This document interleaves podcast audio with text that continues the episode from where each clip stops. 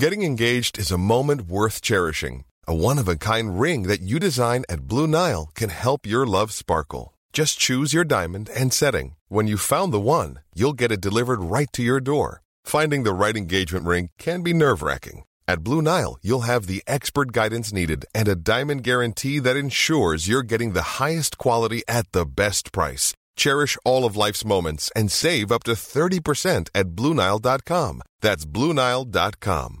Hey, I'm Ryan Reynolds. At Mint Mobile, we like to do the opposite of what Big Wireless does. They charge you a lot, we charge you a little. So naturally, when they announced they'd be raising their prices due to inflation, we decided to deflate our prices due to not hating you.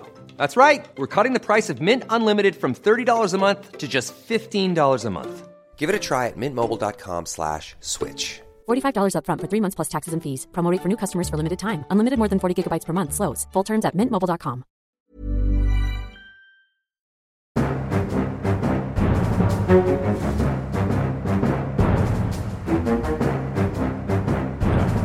Ok, da setter vi i gang med en ny episode av Aftenpodden USA. Kristina Pletten er på plass i Oslo som vanlig. Smiler fornøyd selv om hun blir knust i Wordle. Går det greit? Du måtte begynne med den ydmykende greien. Altså, ja, det går greit. Jeg har vært oppe siden seks i morges eh, fordi jeg har vært på et sånt morgenfrokostmøte. Det var veldig hyggelig, men jeg lurer litt Ja. på hvem som orker å være publikum klokken åtte om morgenen. Eh, så det var nå grunnen til at jeg ikke klarte den Wordlen så, så godt da, som jeg vanligvis gjør. Mm. Nei, ikke sant. Wordle eh, er dette nye ordspillet som har blitt en farsott først i USA, men det kom til Norge også omtrent samtidig, virker det som. Som jeg har nå drevet med et par uker, og i dag klarte jeg da å gjette riktig på to. Ja. Hvor man trenger en god, mye flaks, kanskje egentlig mest. Ja. Men uh, Og litt strategi. Man må ha et sånn åpningsord som er bra med masse vokaler i. Jeg begynner med det Ja. samme ordet hver gang, forresten. Gjør du det? Er det hemmelig? Er det hemmelig hvilket ord det er? Uh, ja, kanskje? Ok, ja. I dag startet jeg med scare, og det fungerte ganske bra. Det fungerte veldig dårlig i går. Ja. Men i hvert fall, det er det vi holder på med på fritiden når vi ikke lager pod. Uh, men hvordan går det ellers? Jo, det går fint. Eh, Det er glatt og fælt her i Oslo. Vi går fortsatt og Mm. stavrer oss rundt på liksom 20 cm is overalt, da. Men ellers så er jo nå livet nesten tilbake til normalen plutselig. Eh, Så jeg var holdt foredrag i går i Kolbotn, og der var det over 300 mennesker i salen. Det var nesten litt sånn skremmende og rart, og samtidig veldig fint. Ja. Altså, jeg vil si Livet er på vei tilbake til normalen her også. Jeg er jo da Øystein Langberg, USA-korrespondent, på plass i New York. Og Vi har snakket om det før på poden, dette med å se kjendiser. Jeg bodde jo i Park Slope, der bor det ganske mange amerikanske kjendiser. Nå har jeg flyttet til Upper West. Også mange kjendiser. Jeg oppsøker en del kjendiser i jobben, men det er jo på en måte noe annet å bare dumpe borti folk på gata. Og jeg har altså nesten ikke sett noen siden jeg flyttet hit for over to år siden. Jeg skylder delvis på pandemi, det var mange som flyttet ut av byen, men også munnbind gjør det vanskelig å kjenne igjen. Men i helgen så bare løsnet det noe helt utrolig eh, med kjendiskikkinga mi. Så først så, så jeg en sånn eh, Saturday Night Live-komiker, som er sånn ganske kjent ansikt, som var ute og gikk med kona si rett rundt her jeg bor nå.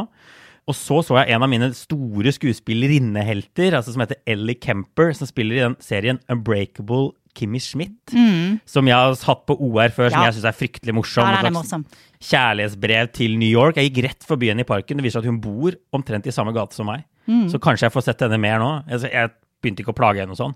Og så kom jo liksom tungvekteren da jeg var og spiste lunsj dagen etter i Soho. Så så jeg Maggie Gyllenhaal satt på nabobordet Oi, mitt. oi, oi. Som jo er en virkelig kjent amerikansk skuespiller. Uh, spilt i masse filmer Ja. og sånn. Og har er bare- regissert eller også, tror jeg. jeg tror hun ja, har regissert uh, Så det bare, det bare Det går mye bedre nå, da. Det er, et, er det et tegn på at pandemien er på vei ut? Jeg vet ikke. Jeg håper det, da. For jeg syns det er veldig gøy. Man føler Ja. at man er der det skjer. De, de- fleste kjendisene jeg så når jeg var korrespondent, var faktisk i kaffebaren som var rett rundt hjørnet fra leiligheten. Der så jeg opptil flere, blant annet Steve Buscemi, som Ja. jo er en superhelt. Og Ja. eh, Paul Vokter fra a-ha, oh, som jeg tror bor rett rundt hjørnet derfra. Ja, Det er det, noe av det som er moro med New York. Så også når turister og sånn kommer. Men nå er i hvert fall gjengen tilbake i byen. Og i dag så skal vi snakke masse om pandemi. Vi er, mange som begynner å bli lei.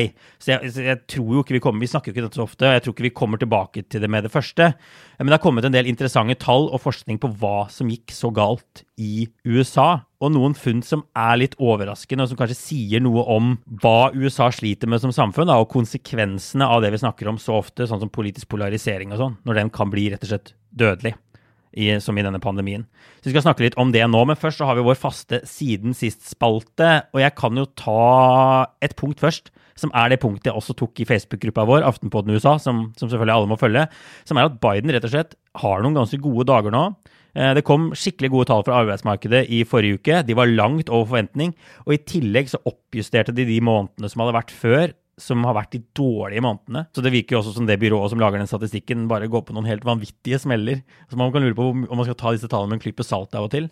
Covid-tallene stuper i USA, som sagt. Sykehusinnleggelsene stuper nå. Og i tillegg så gjennomførte USA en ganske vellykket militæroperasjon der de tok ut IS-lederen i Syria. Så spørsmålet hva betyr dette for Biden politisk? Eh, det vil ikke overraske meg om målingene tar seg litt opp for han, men det er jo da fra veldig, veldig lave nivåer. Mm. Og eh, i forbindelse med disse jobbtallene så er det noe veldig interessant som har kommet frem som ligger under, og det er at eh, av nye jobber, da, som mm. Eh, kom til sist måned, så var det altså én million menn som kom ja. tilbake i, i, arbeidsstyrken, og 39 000 kvinner. Så det var altså et så stort kjønnsgap at det ligner ikke grisen. Og dette handler, mener Axios, om eh, eh, barn. Det handler om eh, mangel på barnehager eller noen som kan passe barna dine. Mm. Så det viser jo sånn med all mulig tydelighet hvorfor det er så viktig å få på plass for amerikanerne. Ok, Kristina, la oss bare komme i gang med, med hovedtemaet korona og USA. Og jeg syns vi skal starte med en litt sånn morsom kåring, eller fun fact, som er at på papiret, og dette er på papiret, så skulle ingen land i verden være bedre rustet til å takle pandemier, epidemier, enn USA. Og det var konklusjonen i en sånn rapport fra The Global Health Security Index, som ble laget tilbake i, i 2019. Og det var anerkjente institutter som sto bak den rapporten, bl.a. Johns Hopkins Center for Health Security. Jeg tror Economist Intelligence Unit var innblandet. Det var flere ting. Mm. Og denne påstanden om USA som verdens best forberedte land på pandemi, den ble jo ekstremt fort satt på prøve uh, allerede tidlig i, i, 2020. Og vi må bare slå fast at det virker nå som et veldig sånn pussig ting å hevde at USA var best på dette. Ja, det var, det var, feil, og det er jo liksom en av de få gangene sånne rankinger faktisk har fått en fasit. Jeg skrev en kommentar om dette her i, ja. i forrige uke. Du har rett, det var et amerikansk universitet og dette britiske magasinet The Economist som mm. sto sammen om å lage denne rangeringen. Og hvem satt de som nummer én og to? Jo, eh, USA og Storbritannia. Og det har jo vist seg at de er de to av de landene som har gjort det aller dårligst.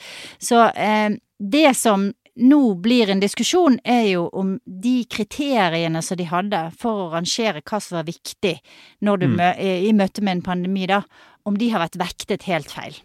Ja, og det som trakk USA opp, da, for å bare ta det, er jo sånn som de hadde planer for en pandemi, de hadde teknologiske miljøer, ledende eksperter, ikke sant, den type ting eh, som andre land ikke hadde på samme måten, som skulle gjøre de godt rustet.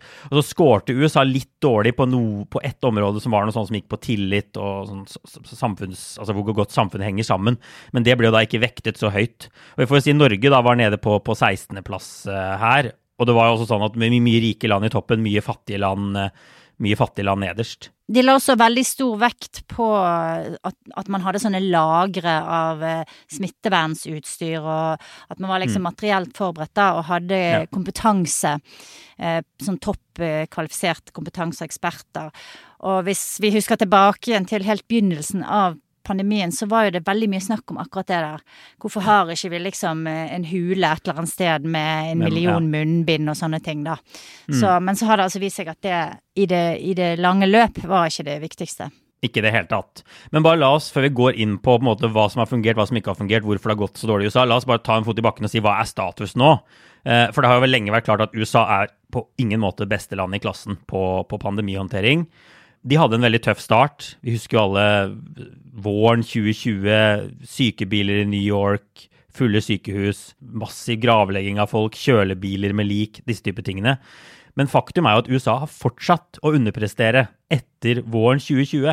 Eh, og nå har de nå passert 900 000 offisielle koronadøde. Det er ti ganger så mange i forhold til innbyggertallet som Norge. Det er dårligere enn nesten alle andre store vestlige land. Det er 25% over EU, f.eks., hvis man ser på EU som én en enhet. Og EU har også land med sine svin på skogen, som vi nevnte. Også store deler av Øst-Europa har veldig, veldig høye dødstall. Så er det sånn at storyen ikke er ferdig skrevet. Det kan komme nye varianter, dette kan endre seg. Men, men ser man på overdødeligheten, da, hvor mange som har dødd flere enn normalt, så bekrefter den egentlig det til bildet. Altså USA har veldig høy overdødelighet. Over en million flere enn normalt har dødd i løpet av disse årene.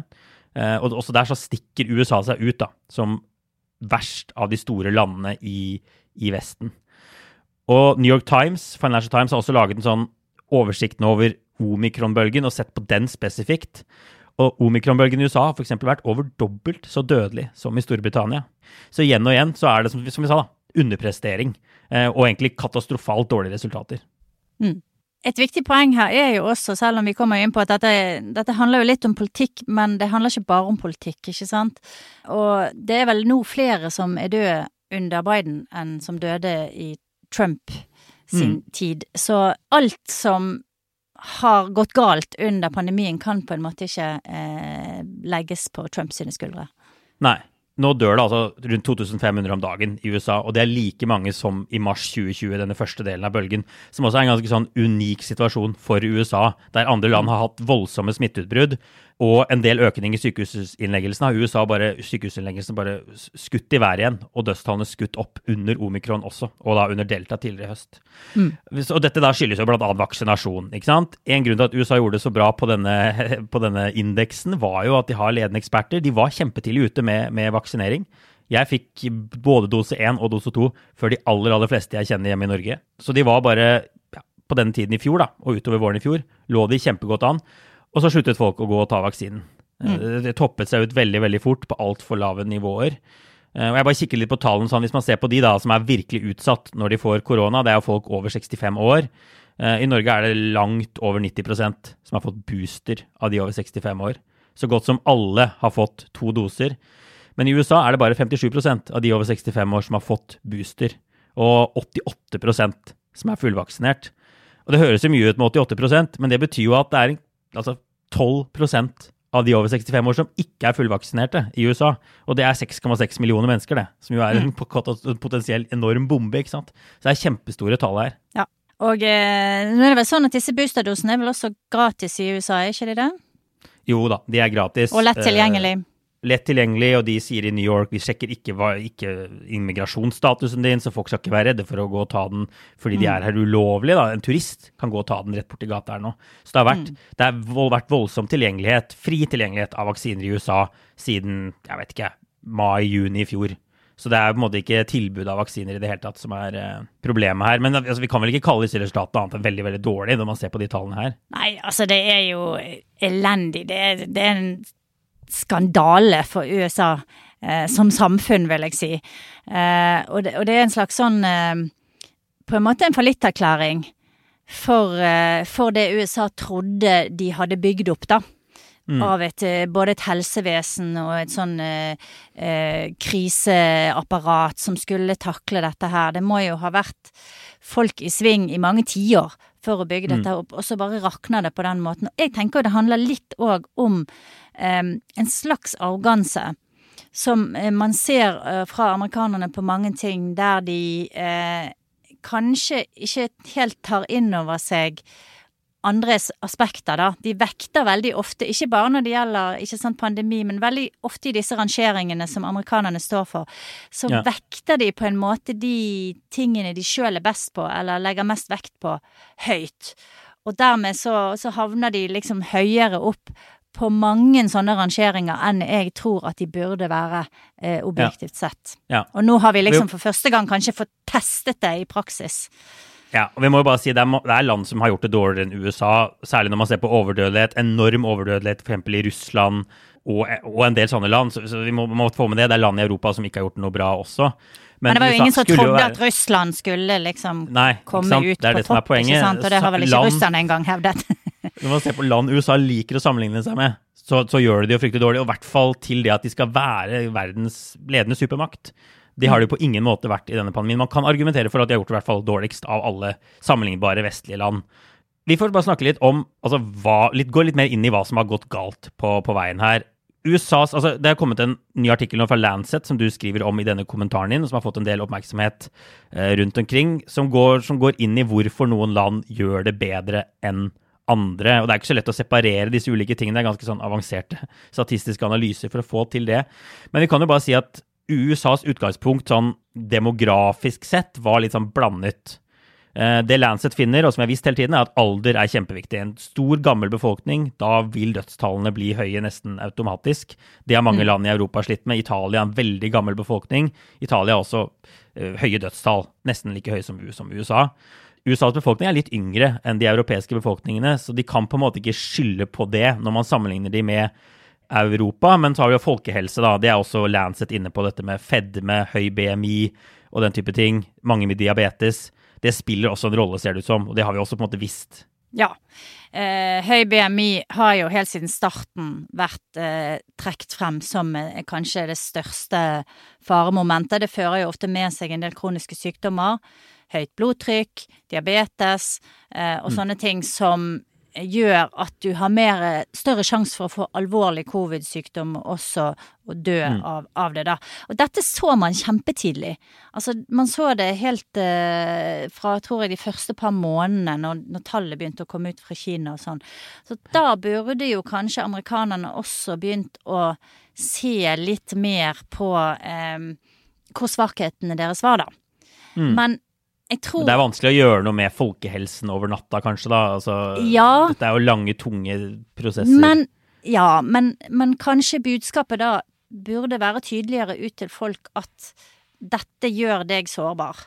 Eh, ja. Ikke sant? Men det er vanskelig, og det er stigmatiserende, og ingen har lyst til å gå ut og si at fordi vi har en befolkning som er veldig overvektig, eh, så, så må vi dessverre gjøre sånn og sånn, eller vi må tenke på en annen måte. Men det er jo liksom der en stor del av dette her ligger begravet, da. Eh, og, og, hvis du ser på én gruppe, f.eks. afroamerikanske kvinner, eh, har helt ekstremt høy eh, grad av overvekt. 82% av afroamerikanske kvinner er, er overvektig eller sykelig overvektig. De har masse kroniske sykdommer, og de har samtidig en sånn eh, eh, lav tiltro til helsevesen, eh, har lav vaksinasjonsgrad. Ikke sant. Sånne ting er livsfarlig. Det er Kombinasjonen av de tingene der er, er kjempeskadelig. Eh, men det, jeg tror det har vært vanskelig for politikere, eller ikke ønskelig, å formidle det på en ærlig måte, da. Nei. Sånn at eh, Ikke sant. Ja. Man, eh, man snakker kanskje om litt andre ting enn det man burde si rett ut. Ja. Og det kan hende det blir mer fokus på det nå. Det er jo kanskje noe med å trekke dette opp under en pandemi og gjøre folk enda mer skremte enn de allerede er. Da. Det har jo vært forsøk på å sette fokus på amerikansk folkehelse. Folkehelse i den tradisjonelle norske måten. Spise mm. sunnere, bevege seg mer. Eh, Michelle Obama forsøkte det jo i, ja. perioden, og fikk eh, ganske mye motbør for eh, ganske sånn ikke, ikke noe sånn veldig drakoniske ting hun gjorde. Hun lagde vel bl.a. en grønnsakshage i Det hvite hus og sånn. Det, det, er vonde ting å ta opp. Ja, folk ble rasende, og de var sånn 'ikke ta fra meg kjøttet mitt', og 'ikke kom her og fortell meg at jeg ikke skal spise mm. uh, ikke sant, sukker og fett'. uh, det var veldig mange som ble sint på henne når hun holdt på med dette her. Men det har jo vært en diskusjon annet med mat i skoler, og det å mm. liksom endre vaner, da. Eh, men det har gått treigt. Og det er en utrolig stor risikofaktor, rett og slett, for mm. amerikanerne at de har den svake folkehelsen. Og det er jo noe som de burde ta fatt i nå. Men jeg tror ikke det er politisk mot eh, til å gjøre Nei. det, rett og slett. For det, det, er ikke noe noen har lyst til å høre. How would you like to look five years younger? In a clinical study, people that had volume added with Juvederm Voluma XC in the cheeks perceived themselves as looking five years younger at six months after treatment. Look younger, feel like you. Add volume for lift and contour in the cheeks with Juvederm Voluma XC. Reverse signs of aging by adding volume to smooth laugh lines with Juvederm Volure XC. For important safety information and to find a licensed specialist, visit juvederm.com. That's J U V E D E R M.com. Not for people with severe allergic reactions, allergies to lidocaine, or the proteins used in Juvederm. Common side effects include injection site redness, swelling, pain, tenderness, firmness, lumps, bumps, bruising, discoloration, or itching. There's a risk of unintentional injection into a blood vessel, which can cause vision abnormalities, blindness, stroke, temporary scabs, or scarring. Talk to a licensed specialist to find out if it's right for you. Men la oss gå videre inn på disse tingene Lancet finner, for det er flere ting som er veldig interessant der, og som virker som er avgjørende, uh, i tillegg til dette med alder og da folkehelse. Da. Så, så, går det gjennom mange ulike ting. De ser ikke ut til å finne noen sånn tydelig sammenheng mellom type helsesystem og hvor mange som blir syke og, og smittet av korona. Uh, økonomisk ulikhet er heller ingen sånn avgjørende faktor. Det er jo ting som har vært trukket frem i debatten. Men det de finner, da, er at tillit, tillit til myndigheter, tillit til hverandre, er en kjempeviktig faktor. Og det forklarer sånne pussige ting som hvorfor et land som Vietnam, som jo surprise, surprise, ikke gjorde det spesielt godt på den indeksen over beste pandemiforberedte land.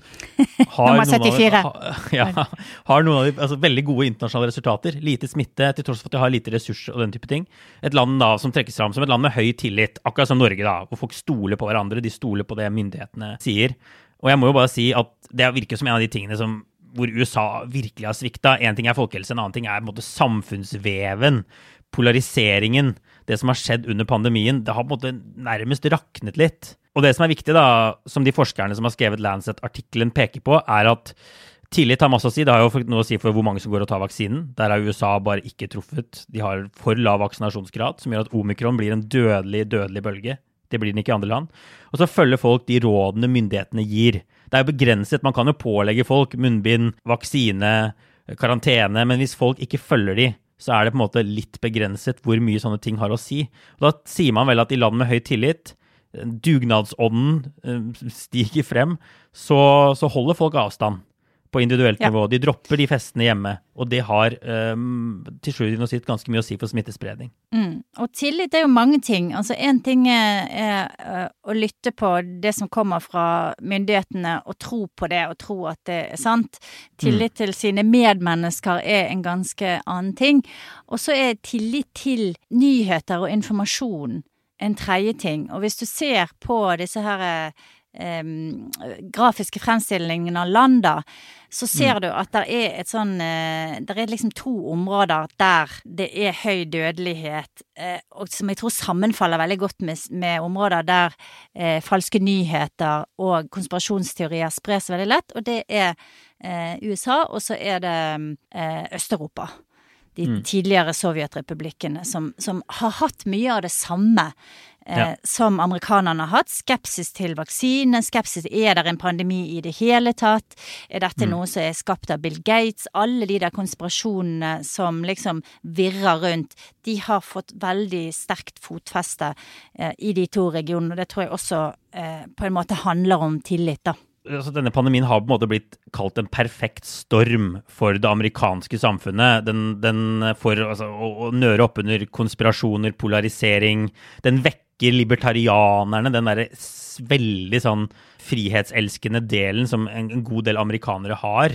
Um, og, og holdningen har på en måte og holdningen til pandemien, til vaksiner sånn, har på en måte etter hvert Det var ikke sånn i starten, men overlappa veldig med hvilket parti man tilhører. Så demokratene har liksom endt opp i den ene grøfta, republikanere har endt opp i den andre grøfta. Så det virker rett og slett som om ja, det er vanskelig å se for seg noe som på en måte kunne vært verre på dette tidspunktet for, for USA da, enn en sånn helsekrise. Man kunne sett for seg at eh, folk sto sammen mot denne trusselen som kommer utenfra. Men isteden så har den på splitta USA, kanskje ikke på midten, men splitta amerikanere veldig. altså Ført til, my ført til mye lavere tillit. Vi har sett videoer av folk som spytter på hverandre, angriper hverandre over masker. Det har i hvert fall ikke vært en samlende hendelse, type alien-invasjon av jordkloden eller et angrep fra Kina mot USA. Nei, og det er litt sånn rart, fordi at jeg tenker at Donald Trump hadde en sjanse. Han kunne gjort det til en samlegreie. Dette var en nøytral fiende som mm. var blind for om du var demokrat eller republikaner. Så når dette her først brøt ut, så kunne, hadde han en veldig stor mulighet til å bli en redningsmann. Han hadde masse ressurser. Han kunne fått med seg folket på en måte som jeg ikke tror Joe Biden kan klare nå. Eh, mm. Men Trump valgte jo det motsatte. Han valgte jo å bruke koronaen til eh, å- å splitte folket ytterligere og skape mer polarisering. Og han gjorde jo det til en kulturkrig. Han, så han var utrolig medvirkende til å både spre konspirasjoner og så tvil om dette her Er dette her egentlig noe som er skapt for å liksom holde Trump tilbake, for å holde eh, folket nede, ikke sant? Og så noen måneder etter at pandemien brøt ut, og Trump hadde allerede begynt å nøre opp i dette her eh, urolige vannet, da, så kom jo George Floyd og Black Lives Matter og alt det der og smalt som en bombe om sommeren. Så du fikk liksom to sånne store motorer som drev polariseringen eh, inn i høsten og inn i valgkampen, og det har de aldri klart å hente seg inn igjen fra. Nei, alt dette ble nei. på en måte sauset sammen i en stor klump av, av vanskelige, vanskelige ting å løse. Som Ja, Biden i hvert fall ikke klarer å løse. Ja. Floyd-protestene kommer, Fox News ser der er det folk uten munnbind i store protester, hvorfor får de lov til det? Yeah. Så er kanskje ikke helseekspertene heller gode nok på å si folk bør holde avstand uansett hva, hva som er motivasjonen for å samles. Det var kanskje mer støtte til Floyd-demonstrasjonene enn Noen burde kanskje vært tøffere der, da, men, men det det var jo bare sånn, ja. En, en voldsomt polariserende, polariserende hendelse. Og så har noen også trukket fra sånn som QAnon. De har sett den der konspirasjonen der bare ta full fyr gjennom pandemien. Det har kanskje ikke vært koblet sammen så ofte, men jeg ser en del mennesker gjør det. Altså måten myndighetene griper inn i dagliglivet i, pande, i pandemien. De skal injisere deg med en, en vaksine. Det er jo egentlig veldig sånn inngripende ting. De skal be barna og deg dekke ansiktet med et munnbind. Du får ikke gå på kino, du får ikke gå på restaurant. Veldig sånn inngripende tiltak. Det er ikke så rart at en sånn konspirasjon om en sånn deep state, ond eh, samfunnskabal, eh, sosial kontroll, at dette her bare blir ja, tar skikkelig fyr. Også når folk sitter hjemme på internett. De får ikke gått ut og møte sine gamle sosiale nettverk. Ja, og så pluss at du hadde liksom the usual suspects som spilte viktige roller. Du hadde kineserne, du hadde Bill Gates med hele vaksineprogrammet sitt. Sant? Så det var jo liksom sånn ferdig laget for, for konspirasjoner, da. Og det ble Ja. det jo også. Og så får vi si USA hadde lav tillit fra før. Eh, dette er nok en sånn ond spiraldynamikk som vi har sett i en del land. Fordi de har så lav tillit, så må myndighetene gå fram med hardere hånd. I New York jeg må fortsatt vise vaksinebevis for å gå på restaurant. Hvis jeg skal på operaen, så må jeg ha boosterdose. Jeg må vise at jeg har tre doser nå for å slippe inn der. De har innført obligatoriske vaksinekrav eh, på masse arbeidsplasser. Biden forsøkte å innføre det i alle store bedrifter i hele USA, noe Høyesterett nå har nekta han. Sånne ting han bryter jo ytterligere ned tilliten. Det kan godt hende også Norge ville fått en enda hardere front hvis man hadde kommet med sånn type vaksinepass eller obligatoriske vaksinekrav. Det slapp Norge og andre land, kanskje i Nord-Europa, fordi de har så høy tillit. Jeg ser i hvert fall noen peker på de tingene der. da. Så man klarer man også å opprettholde et høyere Ja. nivå av tillit, mens i USA så, så blir det Dette er sånne ting som bryter ned tilliten. Og så er det, det er jo noe med at eh, her, hvis du, hvis du skal på Kiwi og har glemt munnbind, så kan du gå inn og handle, og det er ingen som kommer og liksom skriker deg opp i trynet og, og, og truer deg. Men jeg har jo sett utallige videoer av det der fra USA, der folk liksom holder på å begynne å slåss inne i butikker og kafeer og sånn fordi at de er for eller mot munnbind. Så det blir jo en sånn greie der man liksom må velge side og forsvare sitt lag, på Ja. sett og vis, da. Som jeg ikke tror vi har hatt i samme grad her hjemme, selv om vi har hatt bitte Mm. litt av det. Vi har hatt noen folk som har stått foran Stortinget og brent munnbind og sånn. Men ikke liksom i hverdagen har du, har du møtt Nei. det der. Nei. Jeg, jeg synes vi må snakke litt om partipolitikken i det her, hva republikanerne har gjort, og hva demokratene har gjort. Eh, Jeg så en spørreundersøkelse nå som viser at 36 bare av republikanerne har tillit til, eh, til Fauci, Tony Fauci, som jo er på en måte den ledende vitenskapsmannen på dette feltet da, i USA, i hvert fall for, for myndighetene. Og så har noen sagt Biden burde vært mye flinkere til å få fram republikanske stemmer som sier du skal ta vaksinen. Men vi ser selv Trump sliter litt der. Altså, han ba tilhengerne sine ta booster, anbefalte det på en sånn rally, det var vel i fjor, og ble buet ut. Så det er, det er ikke sånn Jeg har snakket med flere som sier jeg tar ikke vaksinen uansett hva Trump sier. Det er, det er sånn Det finnes ikke sånn veldig gode løsninger sånn som ting har, eh, har endt opp. Og det er, si, det er jo republikanere som har eh, også gått ut og sagt ta vaksinen. Det finnes guvernører som sier det igjen og igjen og igjen. Guvernøren i West Virginia sier du får ikke Det, gror ikke gevir av å ta vaksinen. Altså, det, er, det er republikanere der også, men det er veldig sånn blanda drops. Ja, og så er det vel noen sånn som DeSantis som har sagt sånn eh, ta vaksinen hvis du vil. men det er frivillig. Ja. Florida. og, Ja. ja. eh, Og han vil ikke svare på om han har tatt booster selv og sånn. Ja. Nei. Eh, men men altså den, de vaksinekonspirasjonene var jo der lenge før koronaen kom. Og Mm. jeg syns at det dette her viser, da, er jo at det, det å ha et så stort innslag av falske nyheter, feilinformasjon i et samfunn, det blir, en, eh, det blir en risikofaktor som også har en veldig, veldig høy kostnad. Det har vi sett resultatet av nå. Ja.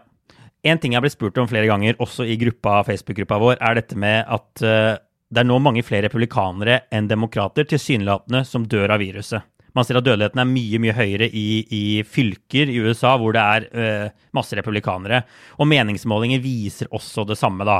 Ja, noe sånt som, nå er det noe sånt som 91% av demokrater er vaksinert, fullvaksinert. 63% av republikanere er fullvaksinert. Og noen, jeg har sett noen målinger som har enda større gap der. Og det virker jo sånn av de republikanerne som enten sår, er med på å bare så konspirasjoner og direkte oppfordrer til ikke å ta vaksinen, eller de som bare holder kjeft og ikke vil si noe fordi de er redd for å eh, skremme unna egne velgere. Det virker jo bare som en rar politikk å la egne velgere dø, ende på sykehus på den måten her. Sånn, sånn ren, iskald politisk kalkulasjon, så vil de jo ha velgere som lever, og ikke som er døde.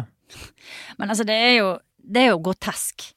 Og det er jo så uansvarlig, og man skulle ønske at de i etterkant ble holdt ansvarlig for dette her. Men det kommer de sikkert ikke til å bli. Eh, Og det kommer sikkert ikke til å være sånn at eh, republikanerne eh, vil, vil tenke at deres egne politiske ledere burde ha gjort noe annerledes. For det kommer bare til å gå inn i, i den samme fortellingen. Men det er jo rett og slett helt forferdelig at mm. altså folk, folk dør av eh, denne eh, feilinformasjonen og propagandaen som deler av det republikanske partiet holder på med. Ja. Jeg har sett noen forskere som har gjort en sånn iskald analyse, da jeg får bare si det, av hva det betyr. Sånn, prøvd å beregne hvor mange flere republikanere nå enn demokrater som dør. Vil dette ha noe politisk innvirkning til slutt? Og da har de funnet ut at for det første så var det bare egentlig siden i fjor sommer at dette man så et sånn tydelig partipolitisk skille, for det var da alle hadde fått vaksinen og sånn. I starten ble jo New York, store demokratiske sentrum, rammet hardest, byer og sånn. Eh, og, og disse forskerne, da, jeg kan legge ut en lenke til den, det er en sånn blogg eh, som, som har regnet ut at ja, det er ganske marginalt i sånn valgsammenheng, det at republikanere nå dør. Selv om det skulle fortsette dette gapet da, i lang, lang tid fremover, så ville det ikke vært nok til å endre resultatet i 2020 f.eks. At Biden ville, ville ikke vunnet noen flere stater nå enn han ville gjort da pga. at folk hadde dødd. Um, så, så, så det, er liksom, det skal ganske mye til. Og, og så det kan nok hende at jeg jeg vet ikke om dette er en del av kalkulasjonene, men det som nok er en del av republikanernes kalkulasjoner, er at denne kulturkrigen er noe de vil ha. Uh, og de ser på den som ganske verdifull, f.eks. også på Fox News. da. Denne, å vise at de ikke er demokrater, de er skeptiske, de setter spørsmålstegn ved vitenskap, ikke sant, den type ting. Eh, De er ikke så redd for disse dødstallene. Det virker i hvert fall sånn.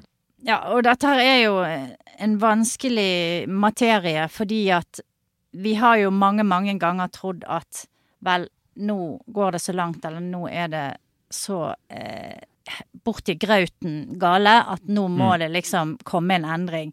Men det gjør ikke det, og det, det virker jo også som selv om folk da dør som fluer fordi de ikke er vaksinert, så, så er ikke det nok til å endre holdningen eller til å tenke at mm, kanskje vaksine ikke er så ille likevel. Eh, og så verserer det jo også en god del eh, feilinformasjon når det gjelder bivirkninger og hvor mange som er døde av bivirkninger. En del av disse dødsfallene blir jo bortforklart med sånne ting, eller med at folk har dødd av andre ting, og så har de tilfeldigvis hatt korona, og så blir de talt med, men at tallene ikke stemmer og sånne ting. Så det, det er sånne forklaringsmodeller som blir løftet opp nå i Ja. disse her konservative foraene. Ja.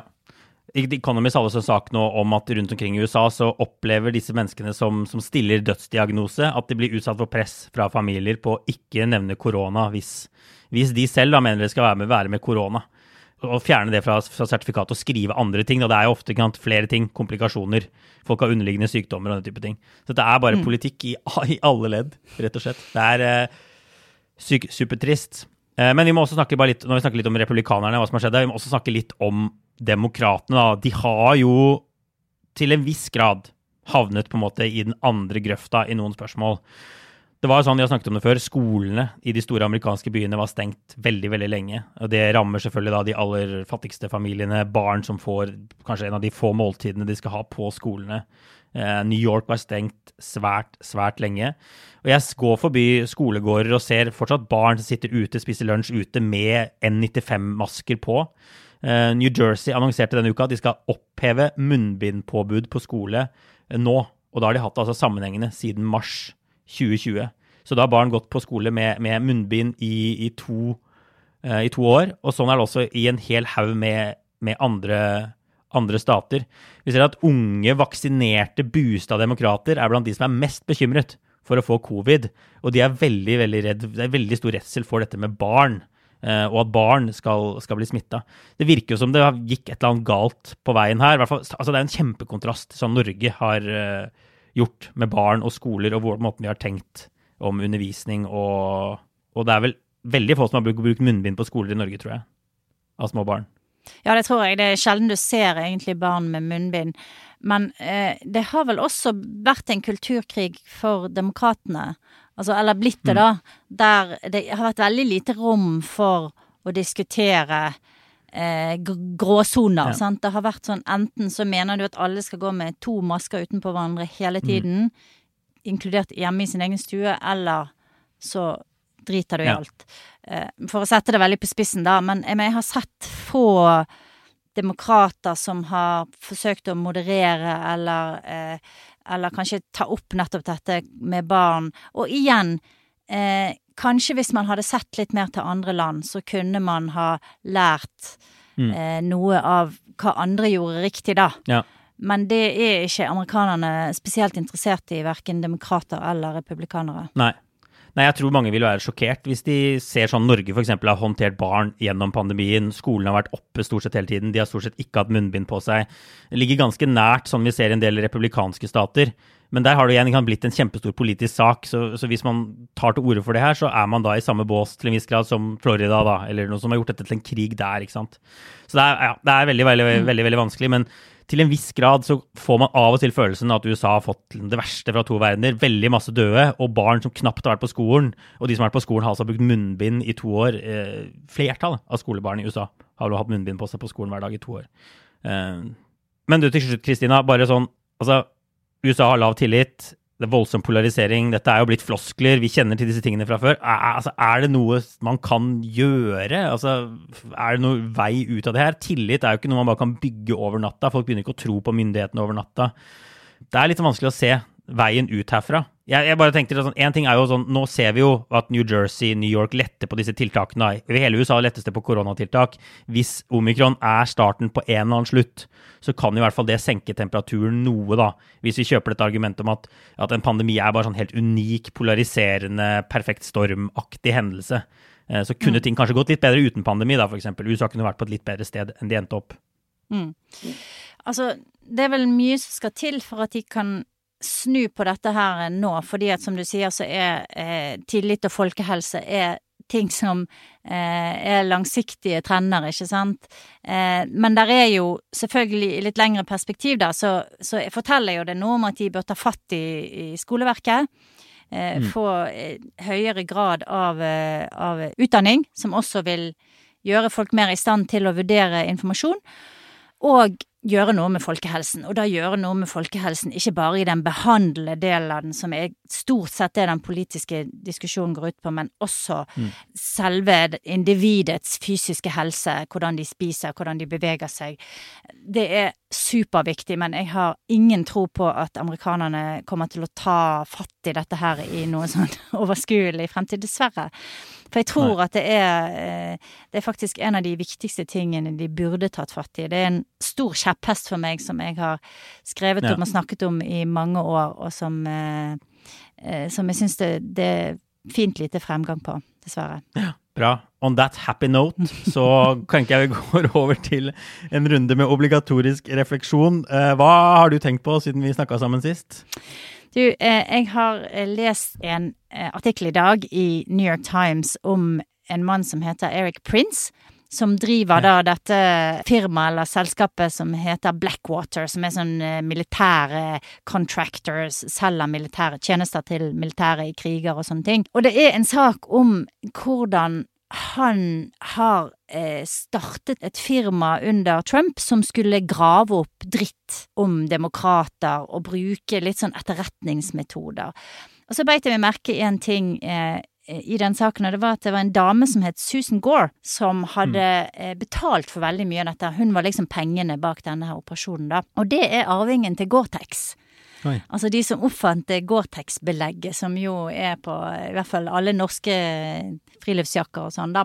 Og det er veldig interessant å se på disse her rike amerikanerne som gir penger til den type sånn politisk gråsonevirksomhet. Det er superspennende, og det fins liksom noen familier som er veldig fremtredende, sånne rike familier. Og den beste boken som fins om det der, etter min mening, en som heter Dark Money, skrevet av en journalist som heter Jane Meyer. Mm. Og den er veldig verdt å lese, og da vil du liksom få en helt ny forståelse av hvordan pengene fungerer i, i amerikansk politikk. Så det er min anbefaling denne uken. Det kan vi legge ut en lenke til Dark Money er navnet på boka. Og, ja, og vi kan også ja. legge ut en lenke til den uh, New York Times-saken om Eric Prince som jeg syns var, var, spennende.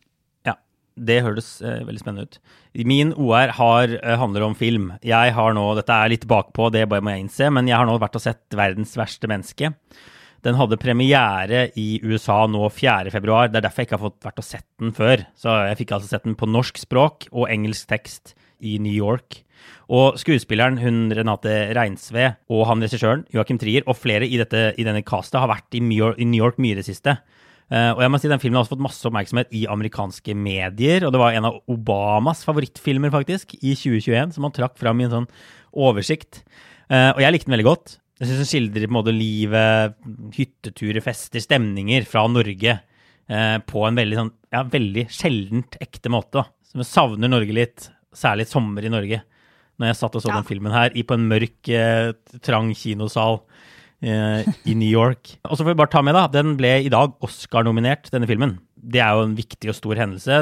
Den er nominert altså for beste utenlandske film. Det har Norge vært nominert fem ganger før, aldri vunnet, så det er jo superspennende. Og nominert for, uh, for beste manus, som vel er en enda sånn tyngre kategori og veldig spennende, for der er jo alle filmer med, ikke bare utenlandske filmer, men også amerikanske filmer.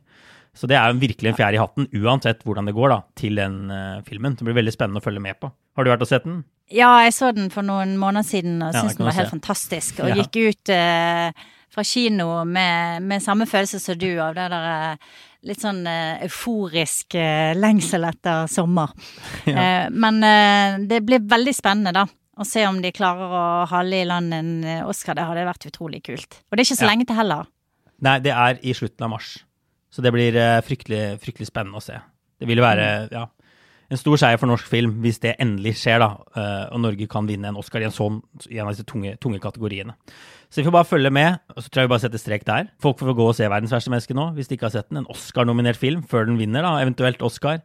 Og så er vi tilbake, vi, Kristina, om en uke. Og inntil da får alle ha det bra. Ha det, ha det.